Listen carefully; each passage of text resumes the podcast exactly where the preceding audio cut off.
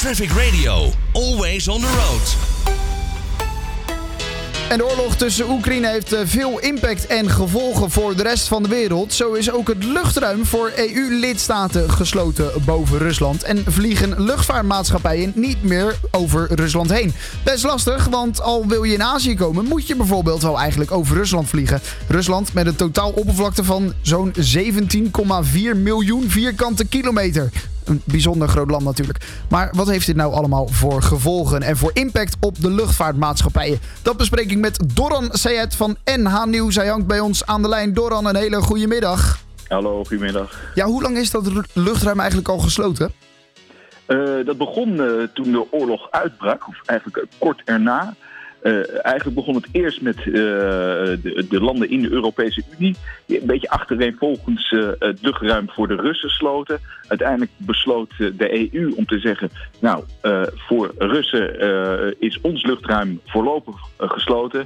En daarop kwam heel gauw het antwoord van Rusland: die zei: Nou, mogen jullie er bij ons ook niet meer in.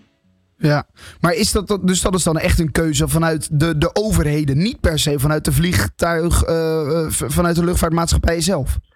Uh, klopt inderdaad. Die, uh, die, overheden die bepalen dat op een gegeven moment. Die zeggen van nou, het mag niet meer. En dan kan KLM dus ook niet zomaar een eigen afweging maken om het toch te doen.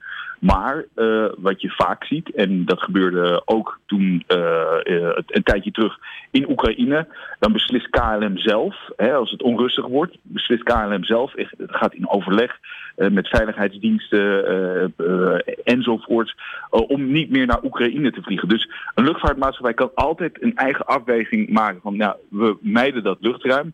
Gebeurt vaker. Afghanistan een tijdje terug, toen de Taliban daar weer de macht greep. Uh, werd er ook besloten om niet meer boven Afghanistan te vliegen. Maar uh, dan komt er een schepje bovenop. Als overheden zeggen het mag niet meer, dan kan het ook echt niet meer. Nee. Maar het begrip vanuit die luchtvaartmaatschappijen is er dus wel. Ja, zeker. Ja, luchtvaartmaatschappijen, zeker uh, maatschappijen zoals KLM, Air France, in ieder geval de grote Europese luchtvaartmaatschappijen, de betrouwbare airlines daar. Wordt dagelijks een, een, risicoanalyse gemaakt van waar kunnen we vliegen, wat is veilig, wat is niet veilig. Het heeft met van alles te maken, het weer, uh, vulkanen die uitbarsten, maar dus ook conflicten. Dus daar wordt iedere dag naar gekeken. Dat, dat is gewoon part of the deal. Dat, dat hoort bij het werk bij, een, bij een luchtvaartmaatschappij. Ja, ik kan me wel voorstellen dat het veel extra kosten met zich meebrengt. Heb, heb jij daar een inzicht van in, in hoe dat in zijn werk gaat? Ja, ja, uiteraard. We merken het zelf ook bij de pomp. Hè, dat, dat, dat, uh, dat het meer kost. Uh, bij luchtvaartmaatschappijen is het nu zo dat ze moeten omvliegen. Ja. Of routes moeten schrappen. Ja. Omdat ze ja, gewoon er niet meer kunnen komen. Of het is, ja, het is niet haalbaar meer. Financieel haalbaar, haalbaar om zo'n route nog uit te voeren. dus ja, als ze uren moeten omvliegen, moeten ze uren meer brandstof meenemen. En uh, ja, dat, dat, kost ontzettend veel geld. Ja, absoluut. Maar gaan die vluchten er, want uh, aan het begin zei ik al, om uh, naar Azië te gaan, moet je wel over Rusland eigenlijk. Gaan die vluchten er dan nog wel richting Azië? Of moet je dan echt nou ja, met, met bijvoorbeeld een tussenlanding richting Azië? Dat nog niet. in elk geval niet vanuit Schiphol. of alle vluchten nog uh, ja, in stand zijn uh, gehouden, weet ik niet zeker. Er zijn wel, in het begin werden er veel vluchten geschrapt naar, naar, naar, naar Japan. maar je moet je ook bedenken, vluchten bijvoorbeeld naar China, die zijn er nog niet, behalve vracht dan. dus ja, passagiers vervoeren naar China heen en terug, wat trouwens een heel grote markt voor KLM was. Uh, die, die zijn er sowieso op dit moment niet. Uh, dus er wordt, er wordt veelal omgevlogen. Ja, sommige routes naar, naar Indonesië, Maleisië. Daar, ja, dat, dat, dat is volgens mij niet zo'n heel groot probleem. Wordt er niet heel veel omgevlogen. Maar Japan, ja, China, Korea, dat is wel lastig. Maar ja, die vliegtuigen die, kunnen tegenwoordig zo lang vliegen. Dat is geen probleem. alleen ja, dus er wordt vaak uren bij opgeteld. Ja. Uh, maar ja, KLM is niet de enige luchtvaartmaatschappij die met dit probleem zit. Hey. Is het economisch nog wel lang vol te houden?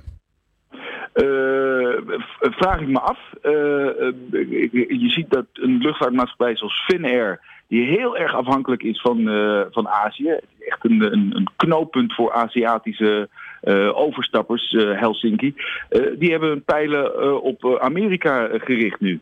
Uh, die zijn gewoon uh, aan het kijken naar de andere kant. Uh, het, het, het, fijne van, voor KLM is dat Amerika in ieder geval de westkant van de wereld voor, voor ons dan gezien al een heel grote markt is. Dus Amerika, Zuid-Amerika is al ontzettend belangrijk. Dus KLM die, die redt zich wel.